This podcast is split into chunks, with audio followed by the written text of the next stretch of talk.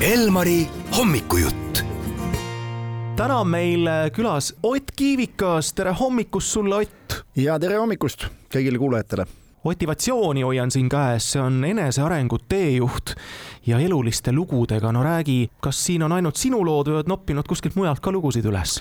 no raamat ise baseerub ikka minu enda lugudel, mida ma tahan jagada ja, ja, ja selles ka selline võib-olla pealkirja nagu tuletus, et otivatsioon ehk nagu Oti lood ja kui need inimesi kõnetavad, siis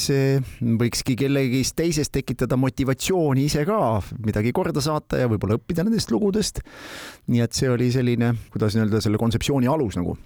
motivatsiooniga võib olla praegusel hetkel küll selline lugu, et jaanuarikuu hakkab lõppema ja vaikselt hakkavad nagu unustuse hõlma vajuma ka kõik need kaunid lubadused, mis aasta lõpus, eelmise aasta lõpus või selle aasta alguses endale peamiselt antud sai, hakkavad õrenema ka spordisaalid ja poes lipsab korvi võib-olla üht koma teist sellist, mida alguses ei plaaninudki sel aastal süüa kas ainult motivatsioonist on abi või võib inimene ka ise oma motivatsiooni üles leida? Noh, ka raamatu eesmärk on pannagi inimest iseenda sees seda motivatsiooni üles leidma, see on, sest noh, me võime ju kuskilt äh, seda kellegi käest ka igapäevaselt saada, aga noh, kui me ikkagi sisemist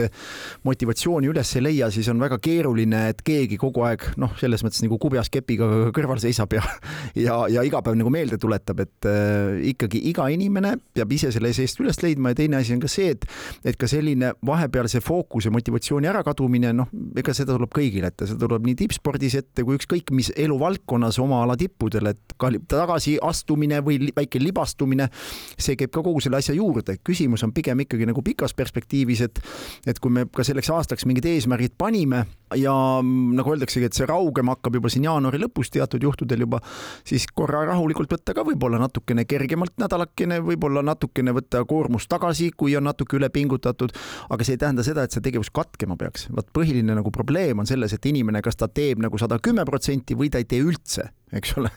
kui ma räägin kehalisest eh, koormusest ja üldse sellisest vormi saamisest ja, ja noh, ka toitumisest mingil kujul, mis meid ju tegelikult aitabki vormi saada, siis need on elukestvad tegevused, et noh, me ei saa nagu äärmusliku mingi pingutusega nõuda, et see on elukestev tegevus, et, et noh, tavaliselt ta on ikkagi lühiajaline.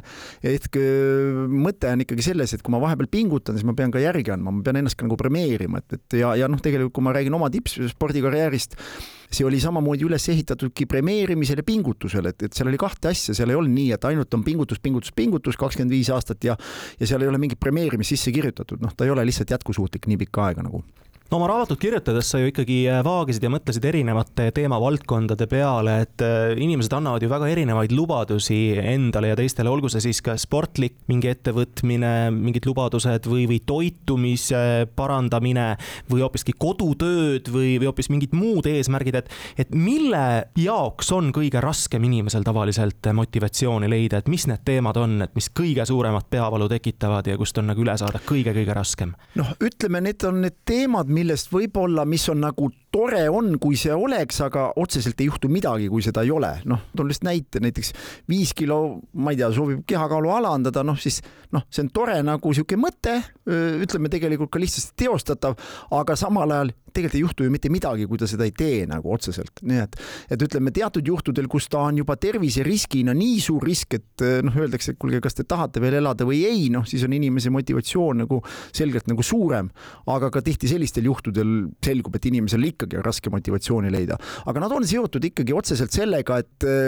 ja, ja ettekäändena ka, et, et noh, kui me räägime täna lastest, räägime perest, räägime tööst, noh, need on niimoodi meie nagu esimene valik, noh, mille järgi me kõiki oma tegevusi ju teeme, eks ole. ja kõik need muud sellised, ütleme natukene nagu noh, kas välimusega seotud või tervisega seotud asjad, noh, need on natukene sellised asjad, mis on nagu tore idee ja mõte, aga ega me ju otseselt ei tunne ka, et kust uksest või aknast see tervis nagu kohe tuleb, et kui me nüüd natuke pingutame, et kuidas ma siis ennast kohe paremini tunnen, kusjuures treeningi alguses võib olla ju kurnav ja väsitav ja enne kui ta hakkab sellist õnnehormooni ja mõnutunnet nagu äh, meis produtseerima, noh, lähebki mõningane, mõningane aeg, eks ole, ja tihti selgub, et inimene ei jõuagi seda nagu ära oodata, et, et pidevalt on ebamugav, pidevalt peab ennast sundima, ilm on ka kehv, eks ole, liikuda on ka kehva ja me toomegi ettekäändeid, et ah, kuule, tead, saime siiamaani niisama hakkama, saame edaspidi ka. aga mis puudutab muid asju, tööle pean minema, raha me peame teenima, sealt on nagu raske nagu kuidagipidi nagu, nagu ah, tead, täna ei lähe ja vaatan, kuidas tunne on ja et noh, need on nagu meie prioriteedid, et, et pigem on nagu selliste pehmete väärtustega, ütleme, meil on nagu probleeme neid fokusseerida, võiks öelda minu arvates. no Ott, sul on omal arvestatav kogemuste pagas ja sa näed inimesi ka enda ümber ja on inimesi, kes sinu poole ka pöörduvad nõuande saamiseks. mida sa oled näinud, millised hästi väikesed, aga järjekindlad sammud on inimestele või sulle endale edu toonud? ma jäin üks päev mõtlema, et kui lugeda iga päev aastas näiteks kümme lehekülge, see ei ole ju teab mis aeg, noh, kümme minutit laias laastus kuni veerand tundi ja sa aastaga loed ju kolm tuhat kuussada viiskümmend lehekülge. kümme paksu raamatut või õhemaid siis korruta kakskümmend umbes, kakskümmend kakskümmend raamatut aastas. et eh, eks ta tegelikult ongi sellise rutiini teke ja, ja noh, mina näen lihtsalt ise personaaltreenerina, ma näen ju seda, et noh, kui tuleb enam-vähem niisugune viiekümpine vend tuleb trenni,